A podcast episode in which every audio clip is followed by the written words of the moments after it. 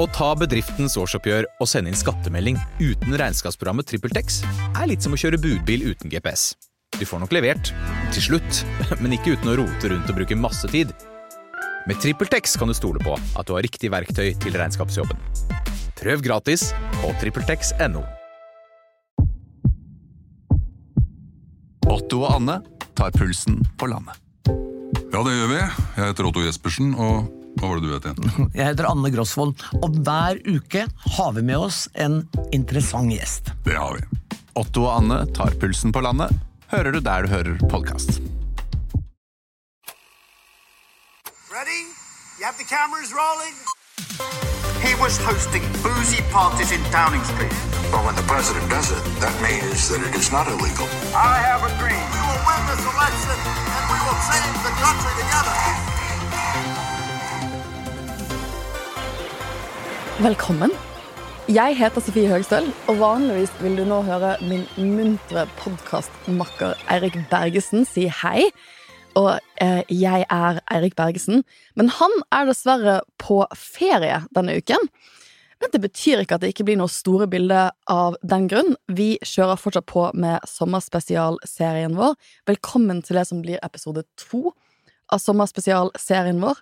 Eh, dette er da vårt nokså uhøytidelige, veldig personlige forsøk på å gå bak ukas nyheter, hvor vi leter etter sammenhenger, prøver å se litt inn i fremtiden, på jakt etter det store bildet, slik vi ser det. Og nå bruker jeg ordet vi i dag, for det er fortsatt et vi. For selv om Eirik ikke er på jobb, jeg håper han koser seg på en strand et eller annet sted, så har jeg ringt en kollega. For jeg sitter nå og ser på Karen Anna Eggen, som jeg har teaset på podkasten i flere uker. Velkommen. Tusen takk for det. Veldig hyggelig å være her. Ja, for du hadde ikke tatt ferie, Nei, jeg har jobba hele juli. men du skal på ferie i august. Jepp, det er sant. Så det, dette er perfekt for, for vår podkast. Så velkommen til episode to av sommerspesialserien. Um, vi har jo brukt disse sommerspesialene på å gå litt mer i dybden på enkelttemaer, og vi vil jo ha det inn, for vi føler at selv om Eirik og jeg har snakket mye om Ukraina og Russland og krigen, så er ikke vi på noen måte Russland-eksperter. så vi tenkte at nå var tiden inne for å ringe en Russland-ekspert, for å få virkelig det store bildet på en del av de tingene som skjer i verden akkurat nå. Men før vi kommer så langt, så pleier vi å begynne med det lille bildet. Og det lille bildet for deg nå er at du ikke er på ferie. Ja. Men i likhet med meg, så eh, Vi spiller jo som sagt inn disse uh, sommerspesialepisodene første uken i juli. Mhm. Så i dag er det fredag 8. juli. Uh, og det betyr at vi egentlig har brukt de siste to-tre dagene på å følge Boris Johnson sitt fall. Og det jeg fant ut når jeg snakket med på telefonen, er at vi har jo bodd i Storbritannia samtidig. Det stemmer. Eh, Jeg var der eh, andre året på videregående. 2007-2008. Mm. Jeg var ikke like kul som deg og hang i London, eh, men kanskje noen vil jo si kanskje det er enda kulere plass. eh, Norfolk. Fakenham College. eh, Veldig liten plass, men hyggelig. Ruralt. Eh, Så det Det var en, eh, en litt annen side av Storbritannia. Hadde du en, altså Visste du i 2008-2007 hvem Boris Johnson var? Absolutt ikke. Nei.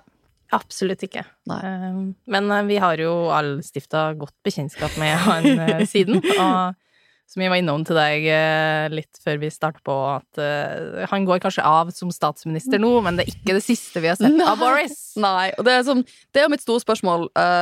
Denne episoden kommer da ut neste fredag.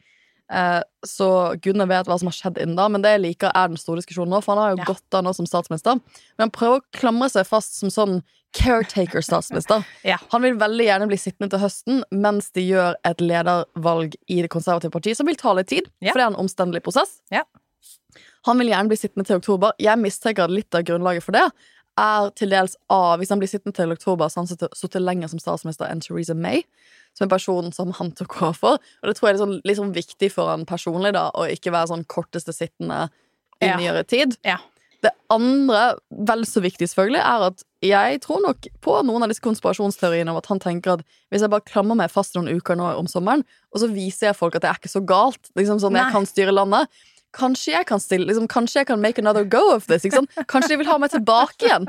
Og, og en del av hans sånn uh, vi, vi er jo veldig glad i en podkast på denne podkasten som heter The Rest is Politics, Ja. med to personer som virkelig De hater jo for så vidt Boris Johnson. Han ene av de som er podkastleder der, han, um, um, Roy Stewart han uh, tapte jo for så vidt. Han stilte som lederkandidat samtidig som Boris Johnson og tapte for Boris Johnson. Og den andre er jo Alistair Campbell, som er en sånn veldig stor uh, skikkelse i det britiske uh, Arbeiderpartiet. Ja. Men de hater Boris enormt. Altså, de har laget sånn to spesialepisoder denne uken. De er jo så lykkelige, men de, liksom, de sier at han er liksom den verste statsministeren ever. Men begge deres hovedbud Det har liksom vært, også vært morsomt å se dem, for de har vært i diverse medier internasjonalt for å bli intervjuet som ekspertkommentator på denne avgangen. da Upartiske ekspertkommentatorer. ja. uh, Men de vil jo da De, er jo da, de mener jo begge at de, de, de, kan ikke, de kan ikke la han bli en uke til. Liksom. Han kommer Nei. til å klore seg fast. Akkurat sånn som du tenker Han kommer til å klore seg fast. Dere må bare dump him prop Altså, dere må slå opp ordentlig. Ja. Dere må bare få han ut av de kontorene nå, og så sette inn det har jo vært luftet i offentligheten om man da skal sette inn Theresa May for eksempel, som caretaker prime minister. Sånn, man, sånn, Men det til å gå an? Er det på en måte det eneste alternativet de har å sette inn? De kunne også satt inn visestatsministeren um, uh, For de har jo det i, i regjeringen. Eh, men jeg tror nok en del folk føler at eh, alle de som har valgt å bli sittende så lenge med Boris Johnson, er uskikket til å sitte videre til å lede landet. Så det, dette blir veldig morsomt. Vi kommer til å snakke mye om britisk politikk etter sommeren, for jeg antar at det som skjer nå, det er at det kommer til å Denne leder De, de sier at det som er forskjellen denne gangen, er at de har jo vært gjennom så mange lederka- lederkamper yeah. de siste årene yeah. at nå er det som wide open. Nå, nå er, nok, nå er liksom Boris er ute, Theresa May er ute. Nå er det bare all, det er nok veldig, Man antar at det er veldig veldig mange som kommer til å prøve seg for å bli leder for det britiske um, konservative partiet. Det er jo noe vi må følge. Absolutt. Uh, bare en liten sånn tilleggsopplysning der. Boris Johnson er jo ikke upopulær overalt. Uh, I Ukraina, blant annet, så er jo Boris Johnson veldig, populær. Ja. Nesten like populær som uh, Volodymyr Zelenskyj. Eh, som òg ble veldig, veldig lei seg når Boris Jeg måtte så gå. det, ja. Ja, de har jo en bromance. Og Boris var jo den første statslederen som besøkte Kyiv Mm. etter eh, den store invasjonen starta i februar. Så Jeg er jo såpass kynisk at jeg tror at det gjorde han fordi han hadde massive innenrikspolitiske problemer rundt Partygate, og da, var det, da så han veldig statsmannaktig ut når han Ja, reiste ja, til ja, Kiev ja. med sånn bombevest og bare sånn 'her er jeg'. Vi hører, jeg har jo også hørt sånn rykter om eh, Eller rykter, det kan godt hende det bare sant, at det er sant òg. At han er veldig opptatt av uh, Churchill. Og vil Ja, fremstå veldig, liksom ja. som det moderne Churchill. Og det òg var en av grunnene da, til at han dro. Nei, uh, Boris, vi kommer til å snakke Men altså, er du en sånn person som da følger et sånn type politisk drama? Ja, ja. Jeg, altså, jeg elsker jo internasjonal politikk og eh, er jo, om ikke anglofil, så er jeg jo òg veldig opptatt av det som skjer i Storbritannia, i USA, i Europa for øvrig. Så det er ikke bare Russland som opptar meg, men selv om det har hovedfokus. Ja, for liksom, la oss ta lytteren litt bak reisen din. For det jeg tenkte på når vi inviterte deg, eh, deg her, at vi er jo ikke så ulike aldre. Jeg er et par år eldre enn deg. Jeg, var, jeg studerte når du var på videregående i eh, England. Da studerte jeg i London. Um, og det jeg tenkte litt på da, at min bachelorgrad liksom, Jeg som tok just etter det, men bachelor, den opprinnelige bachelorgraden min er i international relations, altså global politikk. Og da var det mange tok jo forskjellige typer spesialiseringer. Det var ganske mange av oss som endte opp å gjøre det jeg gjorde, som var å viderespesialisere seg i juss. Da tenkte Mm. tok folkerett, som jeg gjorde andre året mitt på studiet, var sånn Dette er det, dette er det jeg syns er mest spennende med internasjonal politikk. Jeg har lyst til å liksom, fokusere på eh, den regelstyrte verdensorden-biten av det gjennom å, gjennom å videreutdanne meg som jurist. Det var noen som ble mer økonomisk interessert, som, -hmm. som tok videreutdanning i økonomi. Og så var det jo folk som ble så, såkalte områdespesialister. Ja. De Ja. valgte liksom et, en del av verden og ble superspesialister på det. Og selvfølgelig eh, vi, Det kullet mitt gikk jo fra 2005 til 2008. Mm. Det er klart at På det tidspunktet så var det veldig mange som valgte Midtøsten som områdestudie. Lærte seg arabisk, ble terroreksperter. Ja. Afghanistan-eksperter, den type ting. Eller kanskje og, Eller du hadde for så vidt andre som ble sånn Asia-eksperter, som skjønte Mhm. at China is words at. Jeg skal lære meg kinesisk, jeg skal bli ekspert på, på asiatisk internasjonal politikk. Veldig få av de jeg gikk på kule med, vil jeg si, valgte Russland. For Ja. jeg tror de fleste av oss tenkte på det tidspunktet at ja, liksom, hvis man skal først skal begynne å lære seg et nytt språk, og velge Ja. mellom sånn arabisk, russisk eller kinesisk, så virker det bedre karrieremessig å konsentrere seg på en av de andre to språkene enn russisk. For det, er, det er tungt å lære seg et språk med et helt nytt skriftspråk. eksempelvis. Mm. Nå skal det jo sies at Vi studerte jo dette i Storbritannia. Jeg tror at I Norge så er det litt forskjellig, for vi grenser jo mot Russland. Så der vil jo Russland alltid være aktuelt. Det Men jeg vil jo si at mange av oss tenkte Russland var litt passé i Mm. 2005. At det var, det, var ikke, liksom, det var ikke de som kom til å shape the future. Nei, nei, og, og forholdet var jo På den tida så snakka vi jo om på en måte økt samarbeid med Mm. Russland. eh, Russland har så smått prøvd seg på litt reformer. Altså, det var mye som lå i kortene for at det forholdet mellom Vesten og Russland skulle gå i en, en positiv retning. Og derfor er jeg nysgjerrig på hvordan endte du opp som Russland-forsker? Det er så Det er tilfeldig. Det er tilfeldig. Jeg har ingen, ingen Ikke noe slekt, ikke noe familie. eh, ikke noe forhold fra barndommen av. Eh, Russland har liksom bare vært en sånn, et, et stort land i hele oppveksten. Men jeg har jo alltid vært interessert i politikk, i samfunnsfag, historie. eh, og, og etter hvert og blitt ganske sånn opptatt av, av språk. Eh, og ja, etter det andre året på videregående, så da var jeg jo litt sånn ok, men jeg må ut igjen, jeg må reise, jeg må oppleve verden. Det ga Eh, mersmak å være i Norfolk. Det ene Ja. året. Ja. Ja, det som ga mersmak, tror jeg var den Bare det å, å møte uh, helt nye mennesker og virkelig eh, lære seg et språk, det var på en måte Syns jeg var skikkelig kult. Eh, så jeg har bestemt meg at ok, på et eller annet tidspunkt så skal jeg ta statsvitenskap i Oslo. Det var litt sånn Det skal jeg gjøre. Eh, men jeg må ut og reise først. Og da var det eh, min storesøster som kom med et forslag om å om ikke bare skulle lære meg russisk, og, for de, de har et studieprogram i Minsk, i Hviterussland.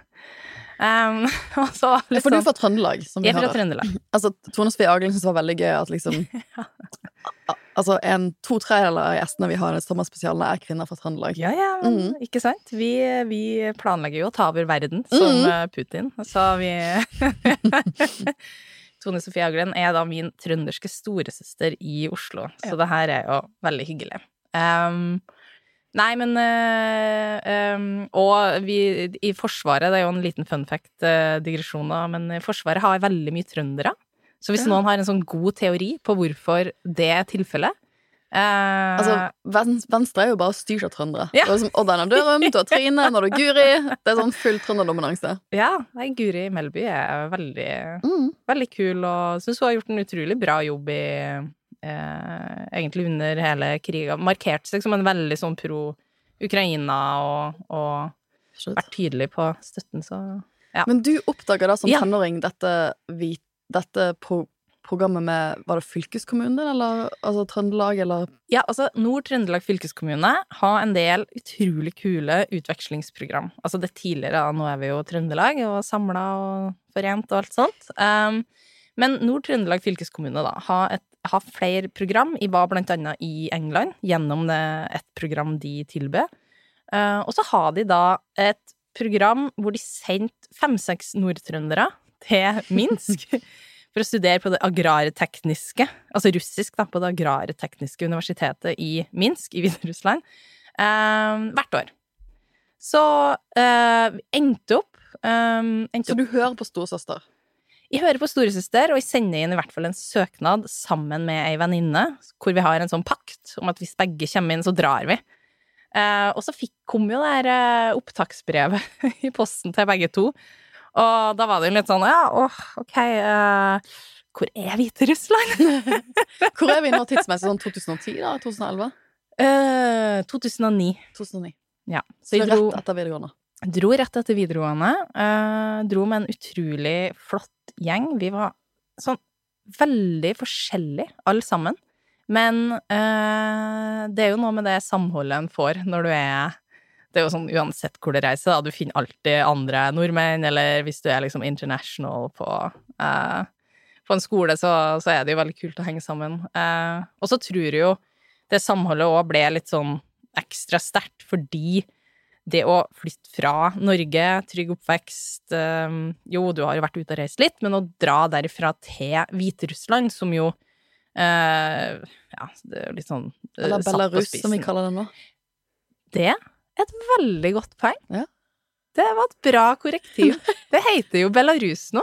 Du må forklare oss det på en annen uh, podkastepisode, hele Ja. navndebatten. Ja, Men du det- bor der mens vi kaller det Hviterussland i Norge. Ja, Ja. det var sant. Uh, Det var, um, men Belarus, ja. Um, uh, det eh, er- var jo, ble jo kalt eh, Europas siste diktatur, og eh, det var jo helt klart Det har blitt styrt av, eh, av Lukasjenko siden 1996, eh, hvis det ikke tar helt feil. Um, og det var, det var så annerledes.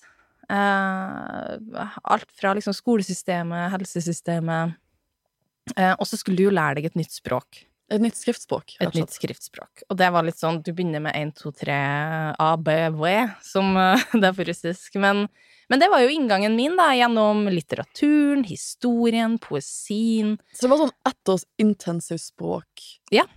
på universitetet der. Det var det. Det høres heavy ut. Det var heavy. Jeg har, uh, jeg har så mye hodepine den første Mm. måneden, og det tror jeg bare var fordi du, du fikk sånn Det her er jo mer sånn uh, kanskje en østeuropeisk eh, pedagogikk òg, ikke sant? At du skal Og det fungerte så bra, men du fikk liksom 100 gloser du Ja. skulle pugge hver dag. Uh, og, men vi har det så mye gøy. Vi har de mest fantastiske lærerne. Uh, Ludmilla og eh, Tamara og Nei, de var Det var utrolig sånn formative år på mange vis. Jeg, jeg bestemte meg for å bli igjen et år til, eh, for å liksom banke inn russisken. Um, Hvor gammel er du da? 20? 21? Uh, ja, hvor um, Noe sånt nå? Jeg ble 21 i USA. Så det må ha vært ja, 2021, da. 20, Mm. 20 år. Så. Så du banker en russisken?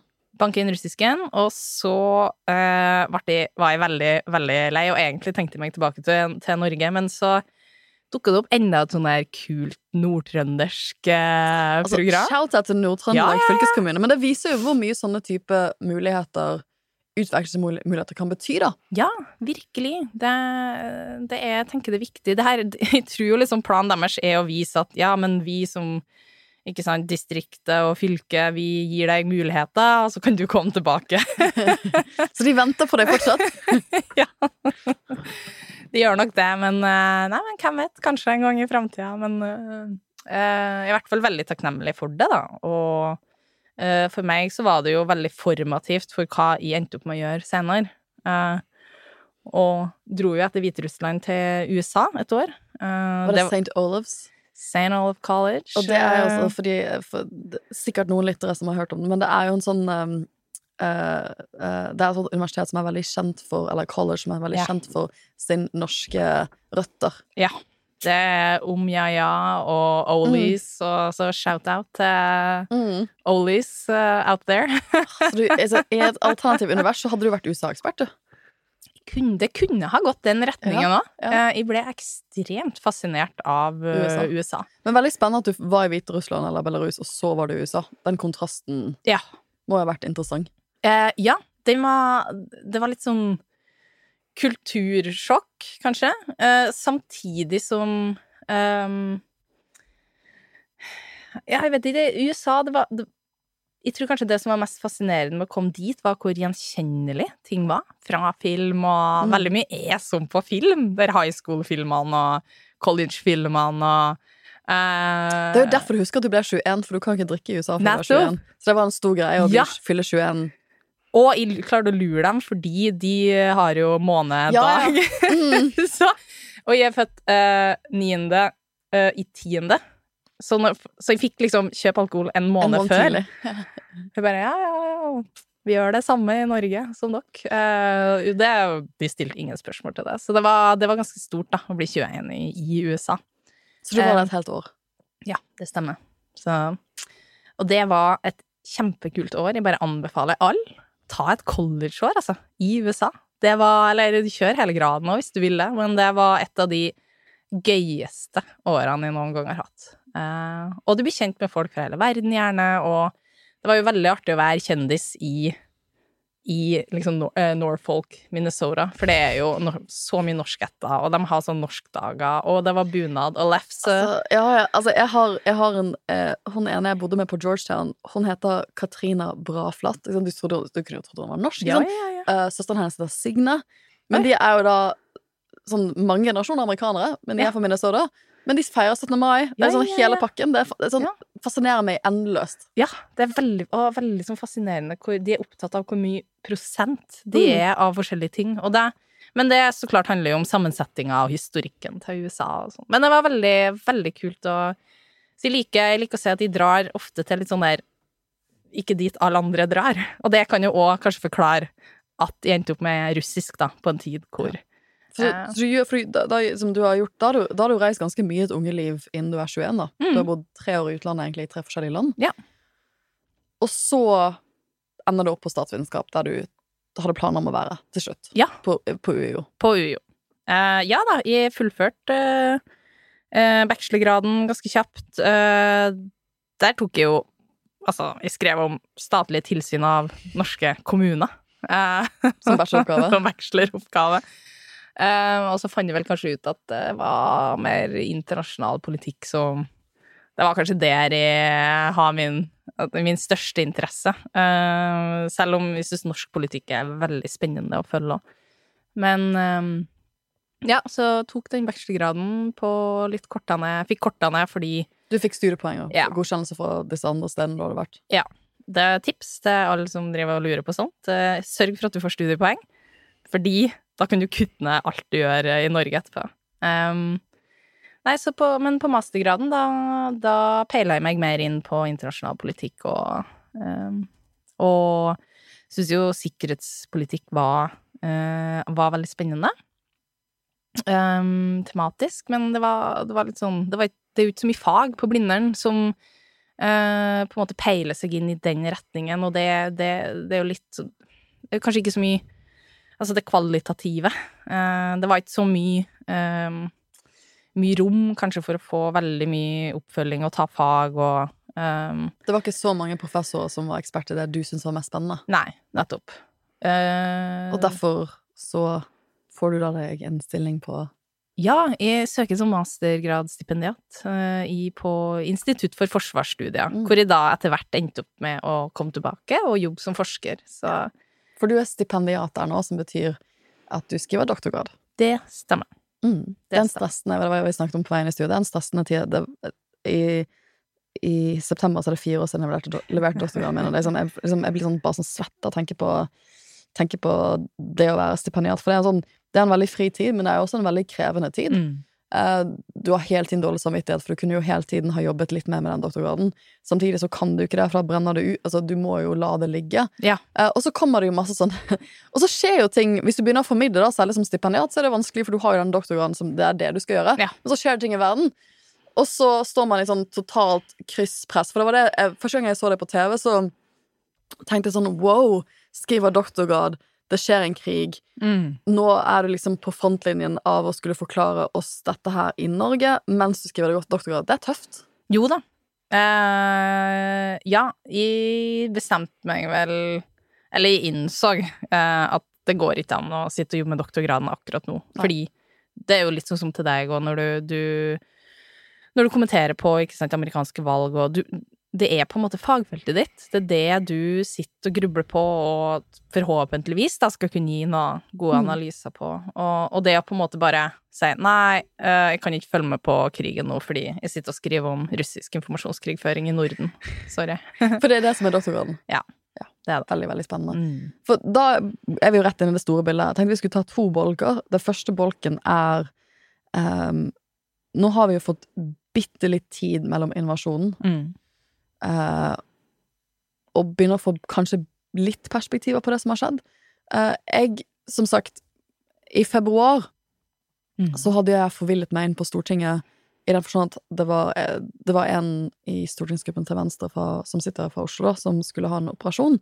Så jeg måtte møte i sånn, i sånn seks uker på Mm. Stortinget. Og det var Jeg møtte to uker i oktober under regjeringsskiftet, men da var, liksom, da var det ingenting som skjedde på Stortinget. i den forstand at Stortinget ventet jo på ny regjering, og det er da liksom først stortingsarbeidet egentlig begynner. Så jeg følte at liksom, jeg var veldig sånn ny på jobb-følelse. Ja. Litt sånn stresset, og liksom Jeg hadde jo ikke planlagt å vi jo vi gjorde mye bedre valg enn jeg trodde, så jeg trodde ikke jeg skulle være Jeg trodde jeg skulle være andrevare. Hvis du er andrevare på Stortinget, så møter du ikke så ofte. Nei. Men jeg ble jo førstevare for tre personer, så det var Jeg var veldig sånn stre, jeg, var sånn, jeg var sånn stresset. Det, det mm, jeg, jeg begynte på Jeg begynte den seksukersperioden sånn to uker før eh, Uken før liksom invasjonen.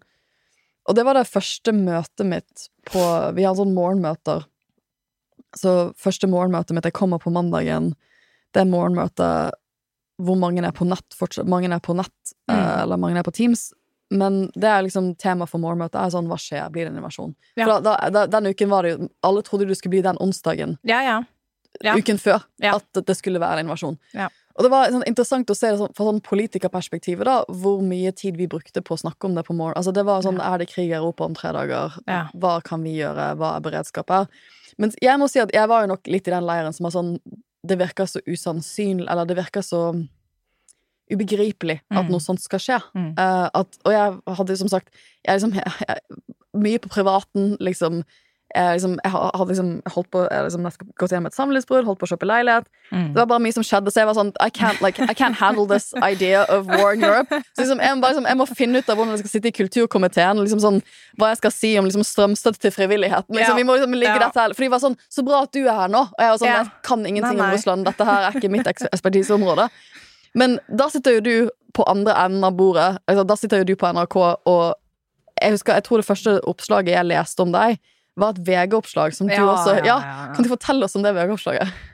Uh, ja, altså For når er vi ved det VG-oppslaget? Det er, tror jeg det er, i, det er en gang i januar. Litt uh, tror første halvdel av januar. Eller noe sånt. Begynner du å få mye mer gjennomvendelser før jul, eller er det etter jul det virkelig tar seg til? Um, nei, det, var, det begynte å plukke seg opp litt før jul. Ja. Da skrev jeg en kronikk, eh, inviterte med Tor Bukkvold på- VFFI FFI til å skrive en kronikk om situasjonen, hvor jeg var litt sånn begynt å kanskje formulere mer da den ideen om at nå, det vi ser nå, det går vi på en måte mot en krig i Europa.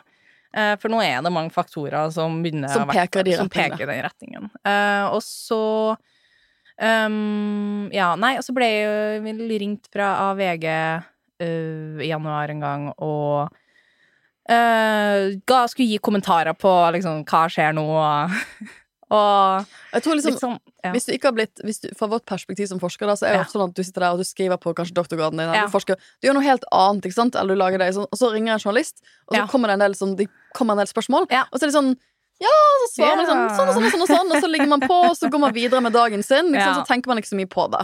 Var det, var det litt sånn for deg? Uh, ja, litt sånn der jeg ba om å få de skriftlig. Jeg tror, eller jeg tror kanskje jeg bare fikk de skriftlig, egentlig. Uh, Så du svarte liksom, skriftlig? Så jeg svarte skriftlig. Um, og der la jeg jo opp til Jeg har en setning, og jeg ser jo på en måte i ettertid og at den, den var jo Den var veldig Den ble litt spissformulert, men jeg har jo en nyansering like etterpå. Hvor jeg da sa at eh, det, alle tegna peker mot at Russland går inn, eller noe i den Går inn i Ukraina. Ja. Russland går inn i eh, Vil invadere Eller reinvadere, eller hva man skal kalle det. da Ukraina. De har jo holdt på siden 2014. Eh, men eh, eh, Ja, og så tenkte de ikke så mer på det. Og så tar de da det sitatet og klistrer det som liksom overskrift på hele saken sin. Og jeg var jo intervjua med to andre forskere. Mm. Eh, og eh, det oppdaga jeg ved, for jeg har en litt sånn travel dag, og ved at en kollega sendte meg det, en link til saken. Og hvor jeg ble, jeg fikk sånn adrenalin, og fordi nå tenkte jeg nå har det gått inn. Nå har det Shit, skjedd. det har skjedd, Det har skjedd! Ja. Det har skjedd! Uh, så, så jeg var jo litt sånn å nei, å herregud, og begynte Og så liksom klikka jeg med en gang inn og bare å ja, det var mitt eget sitat! um, og så ble jo det liksom brukt etterpå da, i diverse diskusjoner knytta til om hele den diskusjonen om ja, for du har jo blitt stemplet som en av de som skjønte hva som skjedde. Ja. øh, ja. Uh, Det må være brutalt innad i fagmiljøet, for jeg føler sånn at Jeg snakket jo også med noen Russland-eksperter før denne øh, sånn uken For dette er liksom igjen mine første to uker på Stortinget. Den første uken var veldig rar, for liksom det er sånn, jeg skulle prøve å lære meg alle disse tingene her, kunne ingenting. Og så ble det klart at alle i stortingsgruppen denne uken får covid. Da, liksom, innen torsdag så var jeg også testpositiv for covid. Jeg fikk korona jo midt oppi alt det her, Ja, så Liksom så, liksom, Innen den torsdagen så er jeg testpositiv. Liksom, jeg Ja. testa ikke positiv om morgenen, men om kvelden testa jeg positiv. Og jeg bare sånn, å herregud ja. Men uken etter det var jo da eh, Det var jo da vinterferie her i Oslo. Så jeg var sånn, ok da, det, da var det møtefri på Stortinget, så jeg bare sånn, da skal jeg bli frisk igjen. Og så har jeg den uken til å prøve å lære meg en del av de sakene som skal skje uken etter på Stortinget. Så nå skal, jeg liksom, nå skal jeg lære meg pengespilloven. Det var en av de store debattene vi skal sånn, Jeg skal lære meg pengespilloven! Kan ingenting om pengespill og politikk, men nå skal jeg lære meg pengespilloven! Yes. Uh, og det, spoiler det jeg lærte jeg, jeg, Arbeidet var ferdig. Altså han som Grunne som sitter i, Som er leder for kulturkomiteen, han innstillingen var ferdig, de skulle bare ha debatten. Så liksom, det, jeg ødela ingenting ved at jeg ikke kunne det så godt som jeg kanskje hadde ønsket. For da skjedde jo invasjonen etter Ja. hvert. da Ja. Så jeg kom tilbake på jobb altså, koronafri på tirsdagen og var sånn Nå skal vi Nå, nå skal vi liksom For vi, vi hadde en veldig hyggelig ny rådgiver også, som så vi var begge nye. ja. Og vi var sånn, Nå skal vi prøve å lære oss hva vi skal gjøre her, liksom. Og så, og, men det å da våkne opp på torsdagen til ja.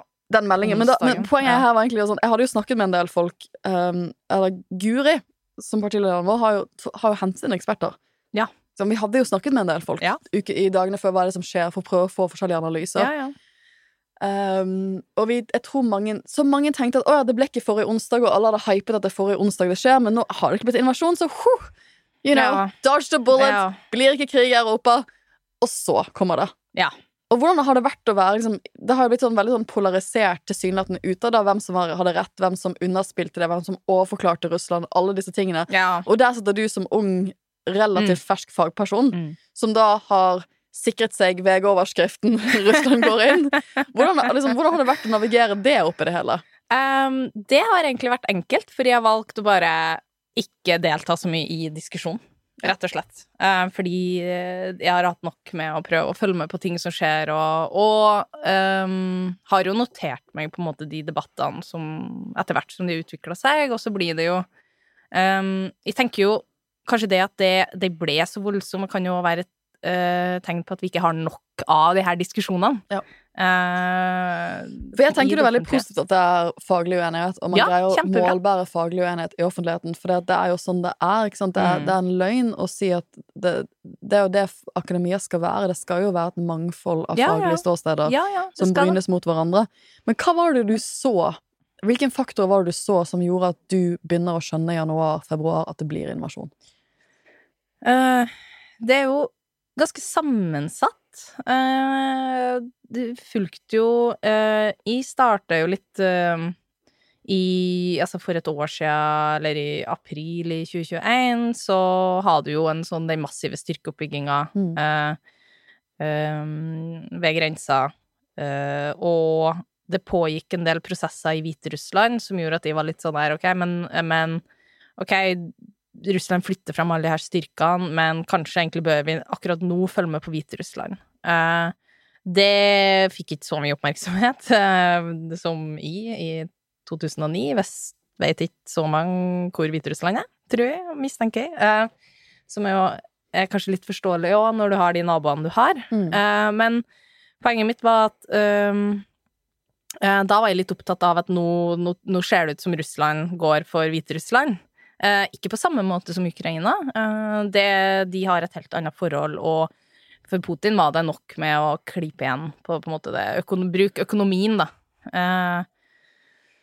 Uh, og de tette båndene uh, de har uh, sikkerhetspolitisk òg. til å på en måte ta, ta over. For nå kan jo ikke Lukasjenko lenger spille på Vesten, som han har gjort siden 90-tallet.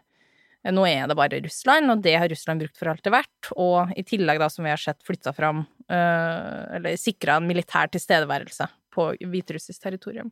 Og det, det tok var- du som en sånn faktor som talte for at nå, nå skjer det ting her. Ja, ja eh, det var Det ene var jo altså den, den styrkeoppbygginga på grensa til Ukraina. Så klart, de har jo det òg i mente, fordi du, du så jo eh, i 2014 òg, ikke sant, så hadde de store militærøvelsene, og så plutselig dukka opp de her eh, grønne mennene, og, som da var uh, umerka uh, Russiske- russiske soldater. Ja. Um, men men akkurat i 2021, da var jeg litt sånn opptatt av det som foregikk òg i Hviterussland. Og så trakk de jo tilbake styrkene, men de etterlot alt utstyret sitt. Ja.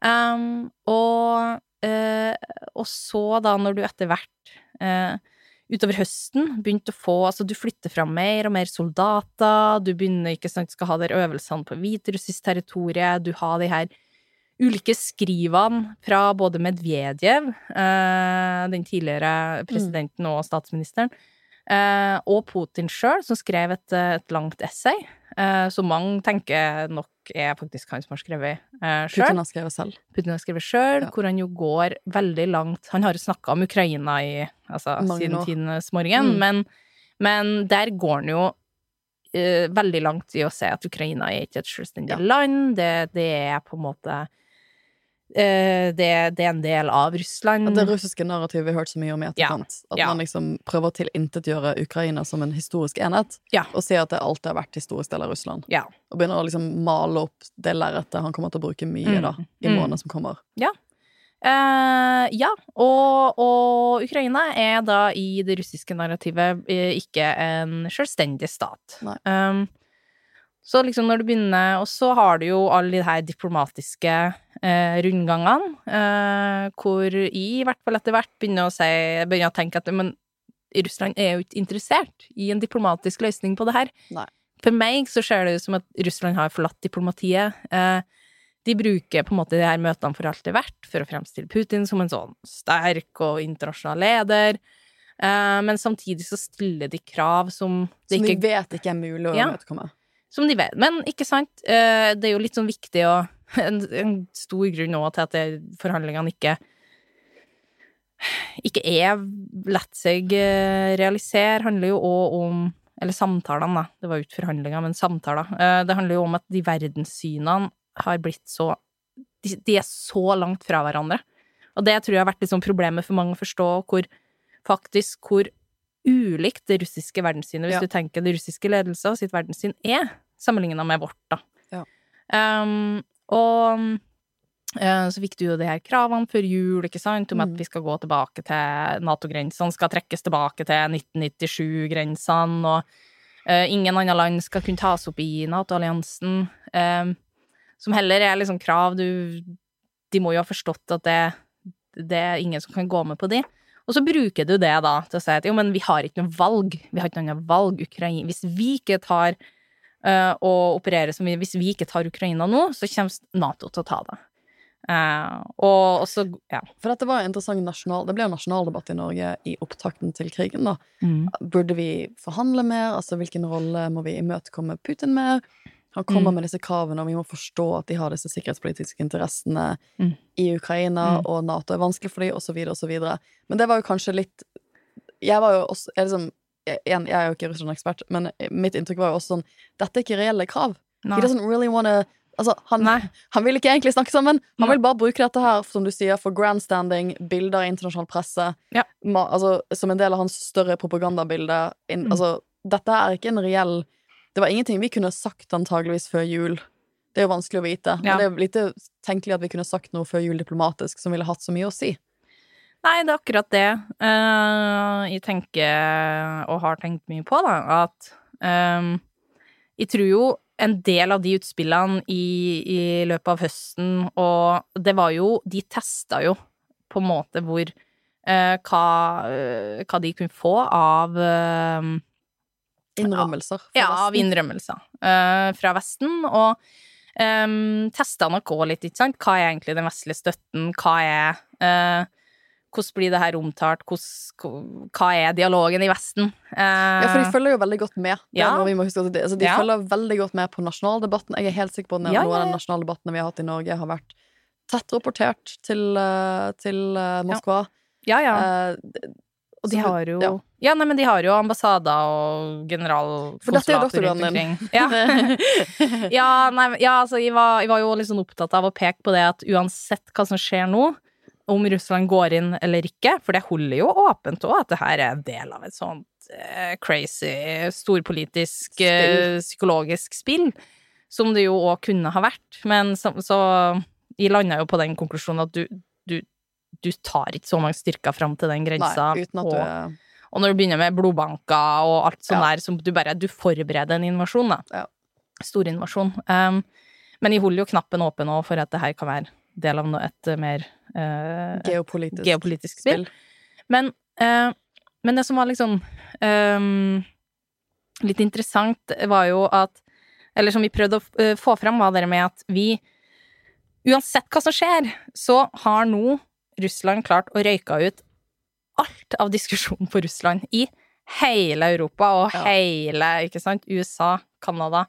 Um, nå er jeg jo veldig vestlig-sentrisk når jeg snakker om det her, da. Uh, verden for øvrig er kanskje ikke så superopptatt av det som foregår hos oss, men du får røyka ut alt av debatt, alle stemmer for, alle stemmer mot, uh, alle Så du får kartlagt terrenget, meningsterrenget i Vesten før jul.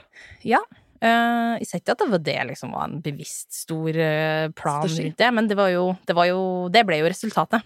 Mm, og det er jo uenigheter og folk du kan spille på uh, senere. Så um, ja. Nei, men, men for å svare på det opprinnelige spørsmålet ditt, det var mange faktorer for min del da, som til slutt, samla sett, uh, gjorde at jeg landa på konklusjonen om at uh, det her ser ut som de har bestemt seg for å gå inn. For nå har jeg sagt hva jeg gjorde denne uken. Det var høst, er vinterferieuke her i Oslo. Jeg har prøvd å komme etter covid. Jeg kjøper bolig på tirsdagen. Ja. Um, ja, tirsdagen så sitter jeg på, liksom, stortingskontoret og, og holdt på med budkrig, liksom. Ja. Sånn! Eh, onsdagen var jeg sånn pengespillov, pengespillov, pengespillov. Ja. Uh, og så våkna jeg på torsdagen til Ja. at Russland er invadert. Og det var ganske sånn, for meg ganske emosjonelt. Selvfølgelig, Jeg tror det var mer emosjonelt vanskelig for mange. Mm. Men akkurat den dagen Russland invaderte, så var det på dagen 80 år siden min bestefar ble tatt til fange under krigen. Under andre verdenskrig. Og jeg, liksom, det var liksom det jeg lå og tenkte på i sengen. Ja. Og sånn, de veivalgene han måtte ta som noen Eller han var liksom begynnelsen av 20-årene, var student, når, eh, når vi ble okkupert. Ja. Uh, bli motstand, liksom, bli motstandsmann. Måtte forsvare landet sitt på en måte man aldri kunne forutsett. Nei. Må avbryte det livsløpet man er på. Mm. Og liksom, jeg lå i sengen og tenkte på alle de unge ukrainerne som Ja. nå må gjøre det samme. Ja. Liksom, Som nå må ta et helt umenneskelig valg om hvem skal jeg være i denne Mm. okkupasjonen her. Hva skal min rolle være? Skal jeg bli? Skal jeg kjempe? Skal jeg flykte? Du ser jo at veldig mange har blitt. Ja, ja. Um, men det var sånn, det var veldig Og så og så var det første jeg liksom sånn det, an, det første jeg tenkte på, var og Det andre jeg tenkte på sånn, dette er angrepskrig. Ja. Nå, nå er folkerettshjernen min på, ja, liksom. ja, ja, ja, ja. Dette er angrepskrig. For det var en del folk som brukte en del forskjellige typer ord, da. Ja. Jeg var sånn, nei, nei, Nei, det dette, dette har vi ord for. Ja. Det heter angrepskrig, og det er ulovlig i folkeretten. Ja. Og vi må bruke de riktige ordene her. Ja. Så da tweeter jeg liksom, den- Det er ikke ofte jeg tweeter ting som blir veldig populære, men det er Ja, jeg sånn, dette, her, er liksom sånn, dette er angrepskrig. Her er alle juskildene for at dette her er straffbart under folkeretten. Jeg lika det Twitter. Ja. Men, det var sånn, men, men da var det veldig rart å ikke skulle gå på, på jobb folkelighet. For jeg hadde lyst til å gå rett på jobb folkelighet og være sånn Dette kan jeg. Ja. Liksom Akkurat denne jusen her Ja. er det bare Er det veldig lite folk, knipe med folk i Norge som kan. Ja. Denne jusen kan. Ja. Dette, liksom, dette er viktig. Mm. Og så måtte jeg gå på Stortinget og prøve å være politiker. Det var sånn Det var veldig, det var veldig sånn, det var sånn ah, Jeg er på feil sted. Jeg er veldig Ja. på feil sted Men hvordan var det for deg å våkne opp? For Gikk du og la deg, eller var du våken den kvelden når det skjedde? For jeg, jeg husker ikke når det skjedde tidsmessig. Det skjedde uh, i løpet av natta Ja. til eh, 24. For jeg, hadde liksom, jeg, hadde, jeg, jeg hadde lagt meg. Jeg fikk ikke med deg før jeg sto opp dagen derpå. Nei, altså greia var at uh, jeg har jo da eh, Den mandagen så var jeg innom NRK studio og var litt sånn streng med Putin. Og husker jeg liksom fikk kommentar til og med fra eh, Eller mandagen den uka, da. eh, Fra en journalist som bare sånn Oi, i dag var du Nå tok du til hardt, liksom. Og så sa jeg bare ja, men det her er jeg, det her er jeg Russland som aktør, liksom. Vi må forstå det. Vi må forstå de som aktør, Ja. og svare. etter. Ja, ikke sant. Og så satte jeg meg i en taxi til flyplassen og dro til London. For jeg skulle besøke en venninne som skriver doktorgrad der, og vi skulle ha sånn doktorgraduke. Skriveuke skulle vi ha. Skriveuke. For da hadde det blitt litt sånn, ja.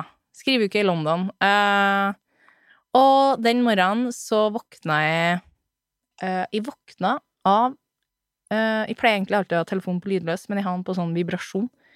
Våkna jeg, og så så jeg på klokka, og klokka var fem. Uh, da er den jo seks i Norge. Og så så jeg det var et VG-nummer. Og så tenkte jeg nå har det starta.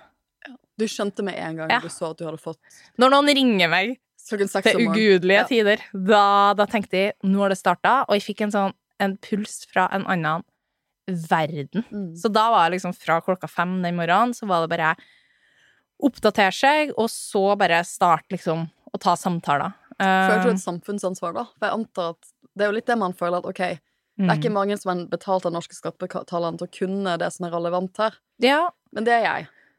Så nå det føltes i hvert fall riktig å, å prøve å gi noen kommentarer på det.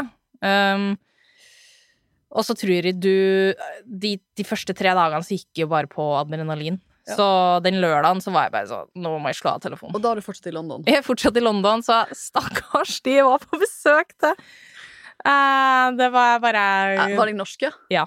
Så de skjønte jo hva du gjorde. De skjønte hva jeg gjorde, og var ekstremt behjelpelig. Og venninna mi var liksom uh, Sendte meg liksom litt artikler, vi laga nesten litt sånn war room. Uh, og, men vi skulle jo, ikke sant, eh, møte, møte litt folk, og det ble bare Det ble veldig sånn surrealistisk å være på Mm. ferie, så jeg dro jo hjem litt tidligere. Um, uh, fordi alt jeg satt og gjorde, var å Ja. oppdatere meg, svare på kommentarer, lese gjennom, sitatsjekk.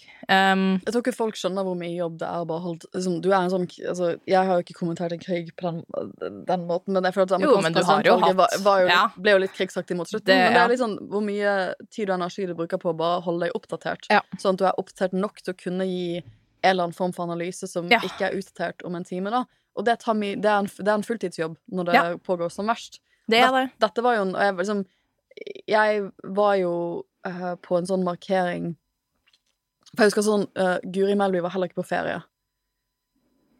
Så vi var der begge den torsdagen. Ja. sånn, vi hadde sånn war room i Venstre. Ja. hva gjør vi? Hva Ja. kan vi gjøre nå, da? Og vi ble sånn litt stemplet som krigshistere, for vi var veldig tidlig ute med sånn Ja. jeg, jeg tror det første intervjuet jeg noensinne har gjort som ordentlig politiker, var på fredagen, om, allerede på fredagen eller lørdagen om at vi skal trekke oss ut, altså oljefondet skal trekkes ut av Russland. Ja. For vi var sånn, ok, hva, hvilke virkemidler har vi? Mm. Hva gjør vi nå, liksom? Eh, og man kan jo eh, Det var jo noen som mente at vi, var liksom, vi gjorde et poeng at vi hele tiden skulle være først, men jeg følte jo kanskje ikke det Den, fra mitt perspektiv. Jeg følte mer sånn at eh, opposisjonen skal komme med innspill og ideer, og så er Ja. det opp til regjeringen i utenrikspolitikk å velge hva de skal gjøre. men så er det merkelig å kalle det krigshissing. Det, det, det er kanskje noe av det jeg har liksom spekulert litt på, uh, og egentlig ikke helt Jeg har ikke samla tankene på det, men nettopp det er litt som at du blir Fordi du velger å si, vet du hva, det her er helt uakseptabelt, og nå må vi gjøre alt Vi må, vi, vi kan. vi må markere det på alle mulige måter, Ja. så tydelig som Ja. mulig, da. Nå må vi dytte tilbake, og hvis den dytten er å gi Ukraina det de kan av militært utstyr Altså, vi er jo så heldige. Vi sitter her i studio og snakker om det. Det er ingen Mm. krig på norsk jord. Nato Nei. er ikke på en måte direkte innblanda i denne, i denne krigen. Um, men det å kalle bare, For meg så blir det litt sånn um, Uh, det er på en måte motsatt. Jeg mener jo de som er, sier at nå, nå er vi faktisk nødt til å dytte tilbake. Vi er nødt til å stå opp for de verdiene vi mener. Uh, igjen, vestligsentrisk og alt sånt der, men det er nå engang sånn at jeg heller vil leve i et samfunn hvor du Ok, det er ikke perfekt, men eh, vi har ytringsfrihet, vi Mm. kan diskutere ting, vi kan være uh, Elske dem vi vil. Altså alle de her eh, sakene der. Um, vi vil heller leve under en, et sånt, i et sånt um, styresett enn det du har da i Russland, for eksempel. Og Russland er jo interessert i å endre det internasjonale orden. Absolutt. Og det liksom, Men stemningen i Oslo For allerede på torsdag så var det eh, protester og sånn. Så da var jeg og Arne Breivik, lederen for Unge Venstre, vi var på en samling foran en protest foran den russiske ambassaden. Ja. Eh, og det var sånn veldig emosjonelt ladet. Jeg vet ikke hvordan stemningen var i London. Men det var liksom, jeg føler at Oslos gater var veldig emosjonelle Mm. de dagene etter Ja. invasjonen. Ja. Det opplevde du sikkert også når du kom hjem igjen Ja. og kom midt ut i kommenteringen. da Mm. At det var Jeg tror folk ble veldig preget, for jeg tror alle skjønte at dette her er en såpass stor begivenhet. At dette endrer ting. At Ja. nå, en, nå endrer den Ja, den etterkrigsfreden vi har hatt, da, Mm. den er rokket ved Ja. nå som Russland har gått inn i Ukraina. Og vi er jo et naboland av Russland. Jeg, jeg merket også at jeg fikk en del henvendelser fra stakkars studentene mine som visste jeg var på Stortinget, liksom sånn, Ja, som hadde ja, vikaler. De var sånn, ah, liksom sånn var, liksom, var, Og som, som jeg eh, underviste folkerett på det tidspunktet, og de var litt sånn Jeg merket at for noen av de så var dette kanskje første gang de har liksom fått krig tettere på kroppen, da. Uh, Mm. Og hvor den, den bekymringen for at nå Altså, jeg syns, at uh, Jonas Gahr Støre var veldig flink til å være på TV og være sånn Mm. Dette er dramatisk, men det endrer ikke den sikkerhetspolitiske prognosen for Norge. Nei. Selv om dette her er veldig, veldig dramatisk, så har ikke vi Vi er ikke mer usikre som nasjon hvis vi er i Russland, enn det vi var i går. Nei. Det er ingenting som tyder på at Russland ønsker å gå inn i nå. Altså, men det var, jeg syns han var veldig flink til å markere, Enig. for det, det må sies mange ganger. Ja. Enig. Eh, For det er klart det er ikke sånn du føler det. Nei. Men rasjonalt altså, Du som er sånn sikkerhetspolitisk ekspert, du vet at realiteten er at vi, selv om det ikke føles sånn, så er det ikke større sjanse og sannsynlighet for at Norge blir invadert dagen etter den invasjonen i Ukraina enn før. Det er Nei. bare litt det er noe, For vi Mm. er et Nato-land. Vi er et Nato-land. Eh, vi er et Nato-land, og uh, det endrer ikke noe for oss uh, Eller, ja, det spørs jo litt. Du kan jo si at så klart, det blir jo òg større spenninger Ja. i våre nærområder, både og i hvert fall nå, ikke sant, når Finland Ja, nå ser vi jo langsiktig og- Altså, ja, ja, vi, ja. For nå, liksom, dette var, liksom, Det er dette var dagene da. etter invasjonen. Jeg tror Jonas Gahr Støre hadde et utrolig sterkt behov for å si sånn We're not getting invaded tomorrow. Ja. Så nå må alle ta seg Enig, Dette er ille, vi skal støtte si. Ukraina, men you know, we're gonna, Ja. dette, ikke, dette betyr ikke at vi er nest, neste mann ute Nei, neste uke. Nei. Vi må ta en chill pill. Ja. Vi ser jo nå, eh, vi ser jo nå tre-fire måneder senere konsekvensen av det med at Sverige og Finn, Finland har kommet inn i Nato. Vi ser også at Russland nå åpent eh, setter i tvil denne, eh, eh, denne delelinjeavtalen Mm. vi hadde med, har hatt med Norge, som Jonas Gahr Støre jo var arkitekten bak. Ja, ja, Så det er også litt sånn personlig. Dette. Det er jo liksom Ja. gå etter hans personlige ettermæle som utenriksminister. Mm. Uh, Svalbard. Ja, ja, Svalbard. Er- Svalbard har de jo eh, Ja. krangla om og vist Ja. misnøye med i, siden tidenes morgen. Eh, siden nærmest traktaten ble underskrevet i 1920, på en måte. Så, Ja. så det er jo et veldig kjent det, er Akkurat de kritikkene der er så velkjent for norsk eh, Mm. UD at Eller Utenriksdepartementet, da, at uh, um, at akkurat det tror jeg ikke Det er litt mer sånn å ja, ja, de, de klager på det igjen. Men det som var nytt på en måte med det som har skjedd de siste tida nå, er jo de eh, både cyberangrepene Ja. eh, Og det er jo sånn DDoS-angrep, og de er jo ikke De er jo ikke så farlige. Altså om du stanser trafikken til, Til VG. til VG det, Noen minutter. livet går videre, men, men det er jo en sånn der Det jo med, bidrar jo med å skape uh, usikkerhet og frykt, tenker jeg, da. Og, og dere med eh, Det er jo en tydelig sånn Ok, men vi kan ramme dere hvis vi vil. Eh, og så eh, har jo Russland nå et godt utvikla system for å gjennomføre store cyberangrep, og de har jo vært inn i Altså inn i, eh, i USA, inn i de liksom dypeste og mørkeste korridorene eh, i både eh, Nå husker jeg ikke helt, men eh, Ja. De, de, de kan angripe og ramme hvis de, de vil. Og eh, i tillegg så får du da det som var nytt med uh, det vi har sett senere av utspill mot Norge, det er jo òg um, det er at de setter delelinjeavtalen På spill. Ja. På sp ja, um, Du tok Det det, jo- seriøst ennå. Du tror bare det er snakk. Ja.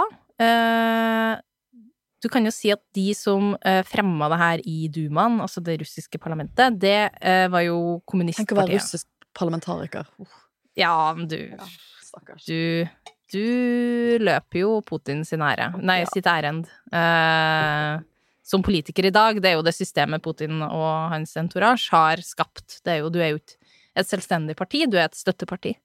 Eh, men det her var jo kommunistpartiet eh, som fremma forslaget og begynte å si ja, men kanskje vi må se på delelinjeavtalen. Um, men kommunistpartiet var jo et av de partiene som stemte imot Det eh, da altså. den skulle ratifiseres. Eller stemmes over i, i Dumaen, da. Eh, så at utspillet kommer derifra, kan du jo se på en sånn ok, nå ser de sitt snitt til å, å, å kjøpe seg noen politiske poeng. Eh, men så tenker vi at ok, eh, det er greit nok, men det, det forslaget har jo blitt tatt opp av Duma-lederen, og de skal diskutere det. Og Peskov, som jo er talsperson for eh, Putin, har òg kommentert og sagt at Nei, ja, men vi snakker jo ikke om, å, eh, om å, å si opp avtalen, vi snakker om å Men vi skal, vi skal se på den. Ja. Og da blir jeg litt sånn, ok, da tenker jeg når Peskov uttaler seg, da betyr det at det er høyere opp i systemet òg. Sånn som jeg leste. Det kan bare være et forsøk fra han på å øh, roe ned situasjonen og si at ja, men øh, vi, har, vi har ikke på en måte Altså, eller roe ned situasjonen og dempe det utspillet fra kommunistpartiet.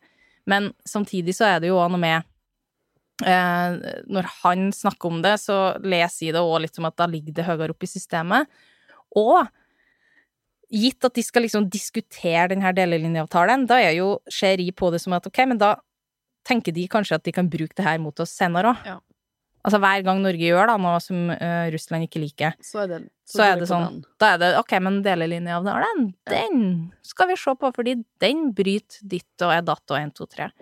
Og det her handler jo på en måte både om det sanksjonspolitikken, altså den russisk, russ, russiske reaksjoner på sanksjonspolitikken, men òg tenker jeg Støres besøk til Kyiv, eh, Ja, for nå har jo mange norske politikere vært, eh, vært i Ukraina. Ja. Ja. Men hva, altså, vi må, vi må prøve å samle trådene litt her snart, for det, dette er jo altfor spennende å snakke med deg. Men du må komme tilbake. Vi må gjøre en del to. Ja. Men det Eirik og jeg som har snakket om, er at vi ser liksom ikke noen vei ut av den stasjonen vi er i nå. Mm. Ting virker å være ganske fastlåst. Det var, jeg husker jeg var på Dagsnytt 18, for at NRK ringte jo allikevel og var sånn, jeg var sånn 'Du er egentlig politiker denne uken.' Og de var sånn 'Men vi trenger at du sier liksom disse tingene om folkerett.' Kan du, Ja. liksom, sånn, vi, det, det, det går greit, du er bare varelig. Jeg tror ikke Ja. vi tar min venstrekarriere veldig alvorlig, som ingen andre gjør heller, for så vidt. Eh, men, men da møtte jeg jo en del av forsvarspersonene, ikke deg, da, men backstage på NRK den uken etter, Mm. tror jeg. Ja. Eh, og da var jo um, For jeg fikk jo så mye spørsmål om hvordan straffe Putin ja. på liksom, det jeg har fått mye spørsmål om i, i vår. Um, men da var jo de veldig enige om at de trodde det ble en langvarig konflikt, en blodig bykrig, eh, og at hvis det liksom gikk Hvis de, Ukraina greide å holde ut i en eller to uker, så ville det bli langt krigen ville bli langvarig. Den ville ikke bli, ja. være over innen sommeren, liksom. Nei. Og nå er vi Nå er vi er sommeren her. Ja. Eh, jeg ser liksom ikke noe vei ut annet enn en eller annen form for politisk forlik, om det er Ja, hvordan det skal Hvordan det blir, da, om det er en formell avtale eller ikke en formell avtale, en detant på en eller annen måte, jeg vet ikke. Men hva, hva, hva tenker du, Um, med dine ekspert, russiske ekspertbriller på? Ja, Uh, det er jo veldig mye Jeg får jo ofte det spørsmålet, og um, mitt svar er jo at det, det er veldig vanskelig å svare på. Det er jo kjedelige svaret, men Nei, men det er det ærlige svaret. det er jo det ærlige svaret. Og litt av grunnen til det er fordi at uh, jeg har litt problem Veldig mange snakker om at ja, men enhver krig ender opp ved forhandlingsbordet, men jeg har litt sånn problem med å se for meg hvilket forhandlingsbord det skal Ja. være, fordi ja, hvis, hvis nå Ukraina plutselig ikke får noe våpenstøtte, så vil jo Russland rulle inn uh, og, og, Og ta så mye de kan. Ja. Og da, du kan jo se det Ukraina gjør nå, er jo hvis det kommer til en forhandlings uh, hvis det kommer til forhandlingsbordet, så prøver jo de å sikre en best mulig gunstig posisjon og utgangspunkt for den diskusjonen. Men uh, det, det, det er jo noe med Et av Russlands uttalte mål er jo å demilitarisere Ukraina. Ja, og Eh, denazifisere det. Og denazifisere og alt sånt der. Men den, jeg tenker litt sånn Poenget mitt med det er at uh, vi snakker bare om politiske løsninger, men det finnes militære løsninger på en konflikt nå, og det er vi veldig redd for å snakke om Ja. i Norge. Og det skjønner jeg jo godt, fordi det scenarioet, da, hvis du tenker Russland vinner militært, eh, og du får en militær løsning, da betyr det jo en avmilitarisering av eh, Ukraina. At de har tatt over kontrollen. Og Eh, et eller annet ja, og er det jo Zelenskyj i eksil. Ja, men hva betyr militarisere, da? Det betyr at du har tatt, ikke sant, du har fjerna den militære makta. Du har fjerna liksom alt av ressurser, personell, altså det, du, du har ikke den styrken som nasjon, da. Eh, og ja, uh, Zelenskyj, om han overlever det, eller havner i eksil, uh, det her blir jo bare spekulasjoner, men, men poenget mitt er at det er en del virkemidler i den russiske verktøykassa som de nå eh, de har, og da tenker jo det ikke kjerne... Eller ikke, Ikke på kjernevåpen, men på ikke konvensjonelle våpnene. Ja. Det er jo ikke sant eh, biologiske, kjemiske Ja. uh, og atomvåpnene de jo har veldig mye av. Um, det virker ikke som det er en Altså, det virker ikke som det er en politisk eh, stemning i Moskva for å bruke det her. Nei. Så øh, Det er poeng, bra. Og det er veldig bra. Det er veldig bra. Uh, nå snakker vi om krigen som at det er to Uh, At den er konvensjonell. Vi er liksom Når vi diskuterer Ukraina nå, og når vi får spørsmål, så snakker vi om Ukraina og krigen i Ukraina som en mer Konvensjonell krig. krig.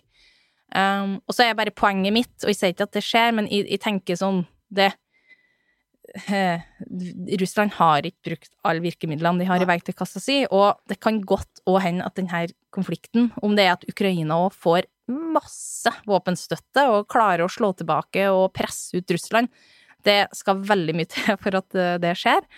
Men eh, du kan òg få en militær løsning på konflikten, da. Det er mitt poeng. Um, men håpet må jo være at du, Ukraina klarer å stoppe Russland, presse tilbake, at det kommer til noen slags forhandlinger, at du får et utfall eh, alle sammen kan leve med. Men, men liksom frykten min er jo i På lengre sikt, ikke sant um, Er det en ting Russland er god på, som jeg har prøvd å gjøre et poeng ut av òg, er at de er veldig gode til å klamre seg fast, sjøl i de verste situasjonene. Vi har jo snakka om at ja, men, å, det er så dårlig moral i det russiske forsvaret, Russland får ikke ditt og datt, men de spiser seg sakte, men sikkert framover. Og jeg er litt sånn redd for at vi undervurderer Deres evne til, å- bare klore seg fast og ta én liten bit av gangen. Ja. Og så sitter de på eskaleringspotensial. Potensial. Det gjør ikke Ukraina.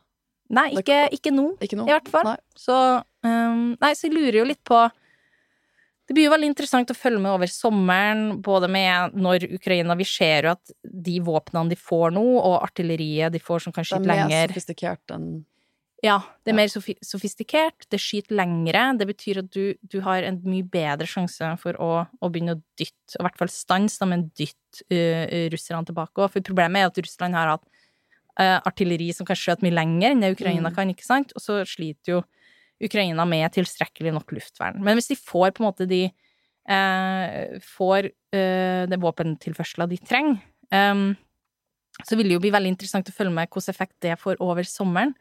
Og i tillegg, når sanksjonene nå for alvor virkelig begynner å slå inn eh, i den russiske økonomien, eh, hvilke effekter det får da, på sikt. Men, men jeg er enig, det, det, krigen er ikke ferdig i morgen. Og, men jeg mener jo at vi må, holde, vi må forberede oss på at det ikke Det kan bli verre. bare Ja, det kan Ja. bli verre, og at det, det ikke nødvendigvis er Alt har en sånn forhandlingsløsning i andre enden. Jeg tror fra mitt perspektiv, altså fra mitt fagfelt, da, som er internasjonal strafferett og sånn international justice, hvordan lager du rettsoppgjør for internasjonale forbrytelser, så er litt den klassiske dynamikken også at liksom, vi dokumenterer jo in real time krigsforbrytelsene til Ja. Russland nå.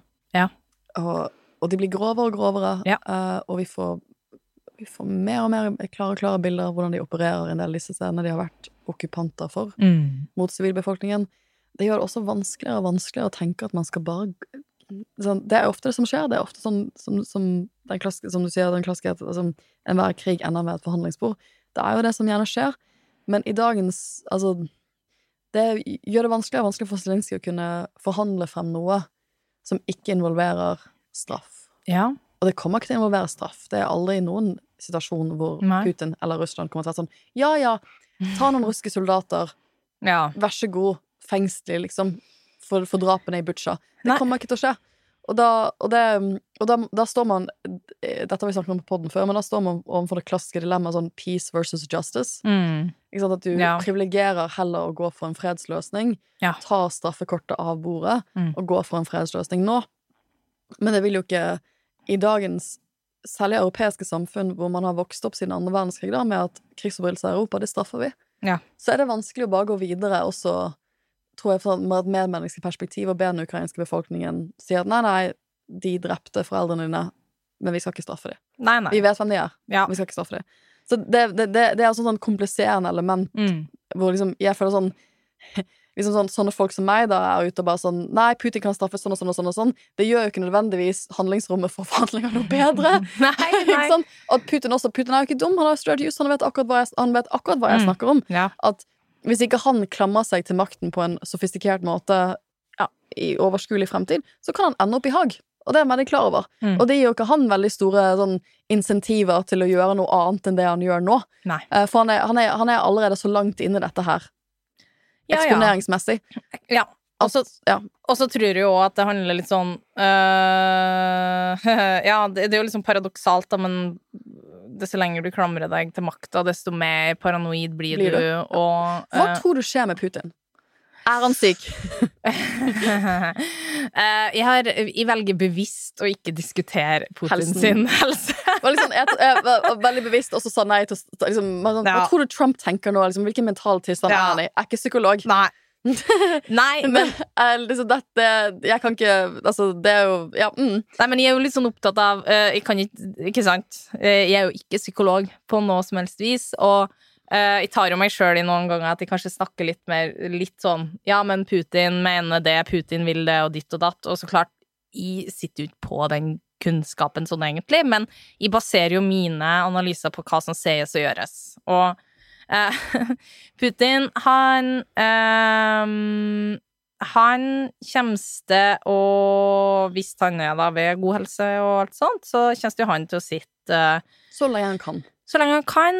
Og eh, han har bygd opp et system rundt seg som har skapt svært sånn lojale Altså, de som er med han oppover, er jo lojale folk, ikke sant? Og folk som òg på i stor grad eh, er med å bygge opp under det verdenssynet som Putin eh, har. Og i tillegg så har jo den sirkelen rundt han med rådgivere og folk som kommer med innspill, blitt mindre og mindre. Og det er jo veldig mye snakk om at han er blitt veldig isolert under koronaen.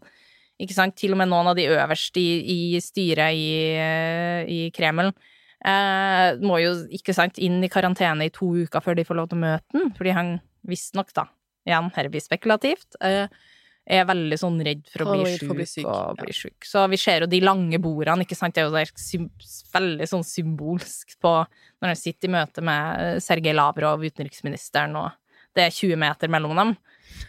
Um, men, men Putin, han kommer til å bli sittende, og um, Hva, hva, hva, tror du, eh, hva tror du han tenker Nå ber jeg om å gjøre akkurat det jeg hater på spørsmålet selv. Men hva what's his endgame? Det, jeg tror det, Ja. som du sier sånn når du, din opp, For du har jo også bodd i Russland, det har vi glemt Ja, å nevne. Du Ja. jobbet ved uh, generalkonsulatet i St. Petersburg. Ja, det stemmer. Ja. Ja. Så du har jo også bodd i Russland. Ja. Eh, jeg tror at vi ikke har skjønt i vår del av Vesten de siste årene. For jeg tror vi har tenkt at ja, Russland det går sånn ish riktig vei. Ja, det er vel litt sånn oligarker og ja, sånn ordentlig Mm. demokrati. Men you know, Mm. liksom, i 2005, da, ja, liksom, at det, vi er liksom, på normaliseringsvei. Ikke sant? Muren har falt. Glad 90-tallet.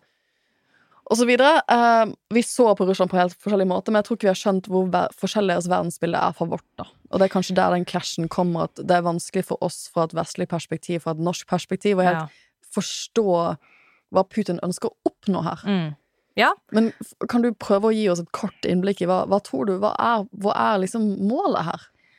Ja, nei, altså, du var innom en del sånne viktige um, knagger, egentlig, det du sa nå. Uh, hvis en skal starte liksom med, med mur, um, ikke murens fall, men eh, Sovjetunionens fall, uh, så tenkte vi på, ikke sant, her er en seier for det vestlige verden og demokrati. opp. Ja, land fikk du, Vi fikk masse nye suverene land, og ikke sant, de postsovjetiske landene ble frigjort og så videre, og fikk selvstendighet. Eh, mens i Russland, eh, og jeg tror det var han Martin Krag, som er veldig sånn flink eh, statsviter i, i Mm. Sverige, som snakka om at de, Vi må jo huske på at generalene som våkna opp eh, 1. januar 1992, eh, de våkna jo opp til en, en hær som var halvert. Ja. Eh, og et, betydelig et Det var ikke en betydelig glad solsinnshistorie for de. Nei. Og, eh, og så har det jo over tida, da, så har jo den um, ideen uh, gått fra å være liksom at uh, Sovjetunionen og kollapsen var noe som skjedde med Russland, til Sovjetunionens fall er noe som ble gjort mot Russland. Og så har jo det så klart da blitt plassert på USA uh, og, og Vesten. Og det bildet eh, Når Sovjetunionen kollapsa, eh, så var det på Det var jo det var ikke det var ikke bare Sovjetunionen, men det var jo det Stor-Russland som har blitt bygd over flere tusen år. Eller Ja, vi- tusen år. Vi hører jo mye snakk om de av oss som ikke har snakket russisk, da. Det er Stor-Russland og denne konseptet Storrussland. Mm. Og det lever liksom det, Selv om vi tenkte at det var over Ja. på begynnelsen av 90-tallet, så har det levd videre. Ja. For det er som du sier, det er en, det er en 100 år, om ikke 1000 år lang Tusen år, ja. Mm. Uh, Eller det blir i hvert fall framstilt sånn. Historiefortelling, da. Til nasjonen. Ikke sant? Og den historiefortellinga og hvordan den brukes, er, tror jeg, I hvert fall eh, jeg har fått mye sånn aha-opplevelser på hvor viktig det er å forstå hvordan historie brukes for å forstå Russland. Russland i dag. Ja. Og øh, det er Når eh, de lederne i Kreml snakker, og Putin snakker, så er det jo liksom Det, det, det er ofte om hva som har blitt gjort mot dem av Mm. urett, og liksom den historiske storheten til Russland. Um, uh, Russland fortjener å være en stormakt, det er de veldig opptatt av. Um, det har de vært opptatt av lenge. Veldig mange trekker jo, øh, trekker jo frem den talen i, på sikkerhetskonferansen i, em, i München eh, i 2007 som en sånn eh, et, eh, et vannskille, da, hvor Putin står og snakker om sant, den uretten Vesten har gjort, og ønsker å holde Put eh, Russland ned og svakt. Og det har jo For der får vi liksom litt av den utenrikspolitikken som da kursen som man begynner å meisle ut. Ja. Der Vesten det er ikke, Der vi har tenkt at det har vært en solskinnshistorie at Russland nå kommer tilbake inn i Vesten, at vi samhandler med dem, mm, at vi utveksler med dem på en måte Ja. vi ikke gjorde før Ja. eh, murens fall, at vi har økonomiske sterke bånd, videre. Det har vært en solskinnshistorie for oss, men for han så har det vært at Vesten holder Russland nede, og Russland må tilbake til sin stortid. De har i hvert fall brukt veldig mye tid og krefter på å tegne det, Det bildet. bildet. Um, og det har bare forsterka seg i takt og med innstramminga på, på hjemmebane. Og På friheter som ytringsfrihet. ja, ytringsfrihet. Informasjonsfrihet. Ja. For det, det, liksom, det har jeg tenkt mye på sånn Jeg, en, jeg bodde i Singapore som barn, og der gikk jeg på skole som en veldig hyggelig uh, jente som het Maria. Mm. Og dette var jo 2000 uh, Dette var, sånn, nitt- dette var på slutten av 90-tallet at vi gikk på Mm. skolen sammen. Og hun var jo en av de første russerne som var sånn ute. For at jeg husker hun talte en sånn historie om at hun egentlig liksom sånn Faen hadde vært i militæret, men altså, det var vanskelig for de å få russiske pass. For å Ja. få lov til å reise ut av Russland på det tidspunktet var jo ikke lett Nei. og tillatelse av det, så de har liksom litt reist ut litt ulovlig på litt sånn falske pass. Ja. Men liksom sånn, det var masse sånn, det var fascinerende innblikk i sånn veldig forskjellige liv enn det jeg hadde Ja. levd, da. Ja. Uh, men jeg tenker mye på hva tenker Maria i dag, 35-36 i dag, uh, Mm. som har bodd i utlandet, da, som, som, som har sett Russland utenifra. Ja. Er hun, hvis hun har reist tilbake altså, Jeg vet ikke hva som skjedde med henne etter vi var 14-15. Flyttet de tilbake til Russland? Uh, han vokste opp på propaganda, regimepropaganda siden, siden ja, 2003, da kanskje. Mm. Eh, hva tenker hun i dag? Hun at Vest, tenk, tror hun at, at Ukraina skal denazifiseres? Um, For det tenker sånn, ja. Folk på vår, vår generasjon, da. ja. Vår generasjon russere, ja, de har tilgang til Vesten på en måte kanskje ikke Ja. generasjonen over hadde. De har tilgang til sosiale medier, men det er jo så kontrollert, som du sier. Er fri- sånn, det er så, du, du er jo så oppfostret på eh, et så kontrollert mediebilde Mm. som er styrt av Putin. Maria, 35, er nok kanskje mer tilbøyelig til å forstå hva som skjer, og hente inn informasjon. Eh, vi må jo huske på at den, den virkelige uh, uh, Altså informasjonsflytkontrollen, for å bruke et veldig langt og krøklete ord, uh, den skjedde jo etter den store invasjonen i februar. Ja. Så før det så har du jo de fleste du har et veldig, det, det er så bare så fascinerende, det generasjonsskillet altså, mellom Mm. de som får nyheter og informasjon fra TV, og de som bruker internett. ja. Det, det er en helt fantastisk dokumentar. Eh, jeg kan eh, se om vi kan legge ut det som Ja, ja. tips, hvis jeg uh, finner en, som viser det generasjonsskiftet og, I Russland. Og, i Russland, og hvordan det splitter familier. Eh, Så Maria, mest sannsynlig, vil jeg anta, kanskje har skjønne skjønner greia. Har orientert seg informasjonsmessig utenfor statlige medier, Ja, og skjønner ikke hva som ser. Ja. Men Foreldrene hennes, not so much, kanskje. nei, de, det kan godt hende at de, eh, de mener at det Se her på statlig TV, Se på statlig TV. høre på radioen. Mm. Ja, ikke sant. Og, men til og med opplyste venner av meg i Russland som skjønner liksom at Putin-regimet går i feil vei, at det, det her er liksom ikke bra. Men til og med de, som vi snakker med dem, er litt sånn Jo, men Vesten har jo gjort én og to og tre. Og, da, og Putin har jo sagt han ikke skal invadere. Jeg snakka med dem, Mm. gjorde litt sånn småintervjuer like før invasjon. Og Putin har jo sagt han ikke skal invadere.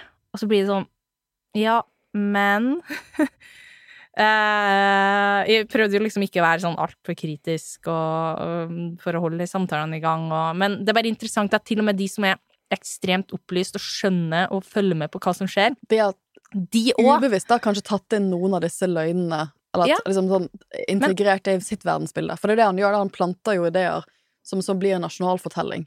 nasjonal fortelling, og så er det den måten den russiske propagandaen eller uh, informasjons... Uh, um, eh, ja, i Flyten. propaganda- og informasjonsflyten fungerer, er jo at ofte blir du bombardert med så mange ulike narrativ og fortellinger at du Og det var jo egentlig det han sa, at jeg, jeg vet nesten ikke helt hva jeg skal tro på. Ja. Fordi det er så mye motstridende fortellinger. Um, Og hva skal du tro på? og hva skal du tro på da? Det er jo passifiserende. Og det tror jeg er mye av problemet med de, de russerne som i stor grad skjønner hva som skjer, og men av ulike årsaker bare Det får for store konsekvenser og, og tar det eh, Putin og regimet og den, det eh, narrativet da, til staten imot. At, Nå skal vi skal, jeg skal avrunde her. For igjen, vi, må ta, vi må gjøre en del to på, til høsten. Det er helt klart. Det er så mange, så mange spørsmål Ja. eh, igjen. Men nå skal jeg stille spørsmål jeg hater å få selv. ja. Men jeg antar det er spørsmål du får en gang i uken. Tror du Putin er leder for Russland om ti år? At han er leder Russland om ti år? Da er han 80. Da er han 80 år. Um, ja, egentlig. Du tror det? Uh, men da tar jo utgangspunkt i at Han holder seg frisk. Uh, han holder seg frisk, så klart. Uh, at eh, du får eh, At de økonomiske sanksjonene Ikke bryter ned oligarkregimet rundt han. Ja, eller sånn, de oligarkene er jo så avhengige av eh, Putin. liksom, Putin at uh, de har ikke noe valg. Og, og altså, Putin han har jo, bygger jo det bildet av seg som en historisk person i den russiske fortellinga. Han må fullføre det her prosjektet med å gjenforene Ja, for det Stor-Russland. er det som er liksom, antageligvis det store For å svare på det spørsmålet, da. Ja. Det er antageligvis det som er stormålet. Han skal gjenforene Stor-Russland. Og Ukraina er en viktig del av det.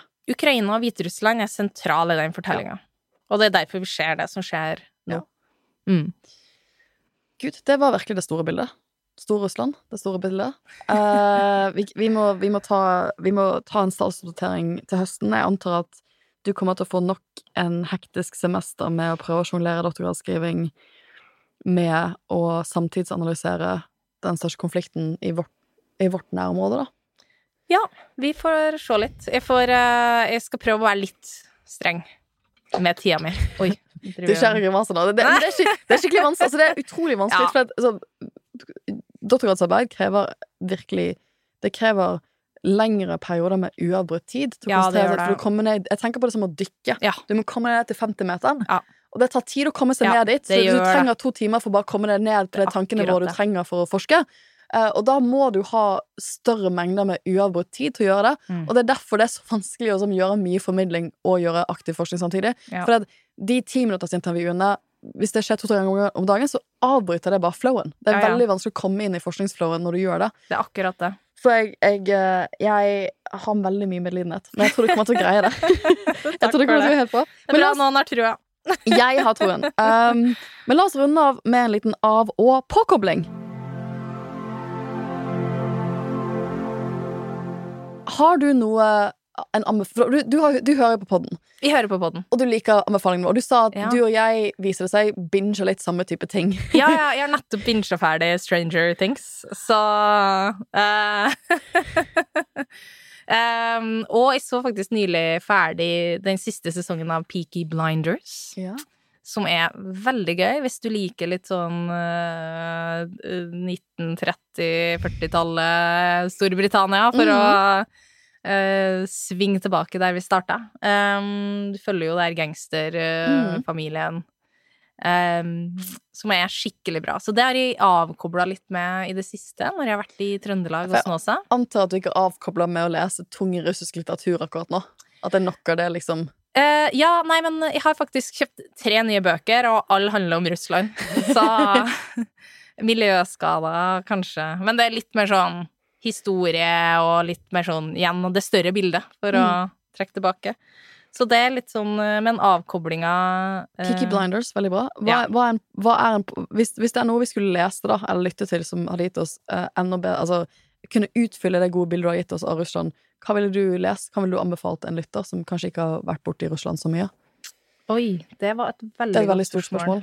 Um, nei, altså, jeg tror Hvis du skal ha litt sånn Mark Galliotti er jo en sånn veldig kjent Russland-forsker. Han skriver ganske sånn forståelig og enkelt om, om Russland, både Putin, og han har noen gode bøker på uh, ja, hvordan forstå Putin og forstå um, russisk historie. Så er sånn starter Eh, pack. ja, litt sånn starter pack. Eh, og så um, Så jeg tenker kanskje start der, og så er det jo mye Han Petter um, Nå glemte jeg helt hva han heter. Våge har jo et, et par sånne derre eh, gode bøker på Russland òg, hvis, hvis du vil starte der. Men du kan jo ta kontakt, da.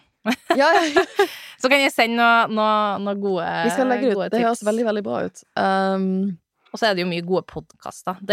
BBC har jo en sånn kjempelang podkast som bare skjer på Putin. Jeg tror den heter Putin. BBC det er sånn tolv episoder som går gjennom hele liksom, livshistoria til Putin. Som var ganske bra. Ganske interessant. det var et veldig veldig godt uh, podkast-tips Det skal jeg notere meg. Det, det er en sånn type ting jeg føler jeg har tid til å gjøre om sommeren. Det er å lytte til en tolvdels BBC-serie på lyd om Putin. Yep. For jeg føler at vi vet ikke hva Altså, Eirik og jeg Vi har jo spilt inn de andre tre episodene på mandag og tirsdag denne uken. Ja. Så reiste Eirik på ferie på onsdag, men du var i Trøndelag. Jeg var i Så vi måtte spare the best Ja. for last. Ja. Eh, det er derfor vi spiller den alene nå. Men um, vi tøyser i det som blir episode fire, da, som dere kommer, lyttere kommer til å høre om to uker. Vi tøyser mye sånn Hva har skjedd i denne tiden? Hvor er verden når denne episoden kommer ut? For det er jo fire uker etter vi Ja. har spilt inn. Liksom sånn, og allerede har jo noe skjedd. Boris Johnson er ikke statsminister Nei. lenger. Det var en av, jeg, trodde, jeg tenkte jo på å ta den spøken på tirsdag når vi spilte inn sånn Ja, er Boris Johnson statsminister? Og så, og så snakker vi om andre ting. Vi snakker om Har dinosaurene tatt over? Altså, Ja. liksom, vi, altså, hvem vet hva som har skjedd om, om tre-fire uker? Eh, men jeg antar dessverre, da, sånn som jeg leser det, at uh, dessverre så er jo nok fasiten at om fire-fem uker så er dette Putin fortsatt like relevant som det han er akkurat nå. Ja. For denne konflikten i Ukraina er ikke over Nei. om fire-fem uker. Det hadde jo vært helt ekstraordinært hvis noe skulle skje i den retningen. Ja, men sånn er jo verdens og internasjonal politikk, da. Plutselig skjer det ting. Det er jo derfor vi er så elendige på å spå framtida. Ja, for plutselig skjer det uventede. ja. Yep. Og så kan man prøve å gå tilbake og se hvilke faktorer Ja. skjønte jeg ikke. Hva var det ikke vi forsto når denne, denne store eventen skjer? Ja. Men det er, sånn, det, er den, det er jo det du lærer av å gå tilbake til historien. Da, at det kan jo skje Jeg har jeg snakket for noen, eh, jeg snakket for noen eh, eh, videregående skoleelever, og de var liksom sånn Men kan ikke bare noen kverke han? Ja. Hvor vanskelig er det bare å liksom Å få han assassinated? Liksom. Jeg er sånn, skjønner tanken, skjønner tanken. Ja. Jeg tror faktisk det er veldig vanskelig. jeg tror- Eh, Er det, altså, er det en mann jeg tror akkurat nå har stålkontroll på de rundt seg og får folk til å smake på maten sin, så er det Putin. Eh, ja, det går jo veldig mye rare rykter, da. Men eh, et som visstnok skal være sånn, har vært uh, halvsant, som jeg har skjønt det, så er han jo veldig isolert. Han sitter, om det er bunker Ja. eller en dacha uten strøm, nesten. Og det hadde jeg også gjort hvis jeg var Putin. Ja. Ja. For å si det sånn. Ja. For det er nok mange andre norske, norske videregående elever som har tenkt sånn Hadde det ikke vært enklest for verden hvis vi bare kunne gjøre sånn liten sånn old school CIA assassination som funker? Det var ikke alle CIA assassination som funket. Hvor vanskelig, hvor vanskelig er det å liksom bare ta den ut? Men Det er nok eh, ganske vanskelig, vil jeg anta. Da har vi fått svar på det spørsmålet fra deg også. Det er sånn for Russland-eksperten. Det er vanskeligere å drepe Putin enn det man skulle tro. Um, og på det, det var en fin måte å avrunde Det var en fin måte å avrunde Det var en dyster måte å avrunde denne podkasten på. Um, vi er tilbake neste uke. Da skal dere få høre episode tre, hvor vi er så heldige å ha fått med oss Henrik Syse. Hvor vi rett og slett snakker om det godes kamp mot det onde. For vi føler at akkurat nå så tror jeg det er veldig mange som kjenner på en sånn følelse at det er de onde kreftene i verden som vinner. Det er Putinene i verden som vinner, som Mm. styrer ting akkurat nå. Eh, og da, da, da hadde vi lyst til å snakke litt med det om med en, en reflektert mann som Henrik Syse, som kunne gi oss noen perspektiver på hva de gode må gjøre i denne vipp... For han er enig at vi er en sånn vippepunkttid nå. Mm. Og hva er det de gode kreftene i verden kan gjøre for at ting skal vippe litt mer tilbake Ja. i vår banehalvdel, og ikke i Putin? Det ble en utrolig fin uh, og spennende episode. Det er bare å glede seg. Men jeg må bare si til deg, Karen Anna Eggen, dette var helt fantastisk. Du må komme tilbake. You're now a friend of the pod. Jeg kommer veldig gjerne tilbake. Ja, dette var, eh, jeg ble mye, mye klokere. Så skal jeg gå og lytte til den BBC-spesialserien eh, i kveld. Tusen takk. Velkommen til Kjemperådet. Denne gangen har vi fått inn et kjempedilemma fra en familie. Jeg leser Hei, vi er litt uenige i familien her. Hvis du skulle vært et dyr, ville du hatt gjeller eller vinger? Oi, den er tricky. Ja, Hva ville dere hatt, da? Altså, jeg vet ikke, men Med familierabatt får de ubegrenset data fra Telenor fra 399 kroner. Da kan de jo scrolle seg til svaret, rett og slett. Ja, ok, Men for min del Ja. gjelder. Nei, nei, Gjelder. nei, vinger. Nei, nei, Ja, okay, ja, Kjempebra. Men eh, se nye mobilabonnement på telenor.no, da.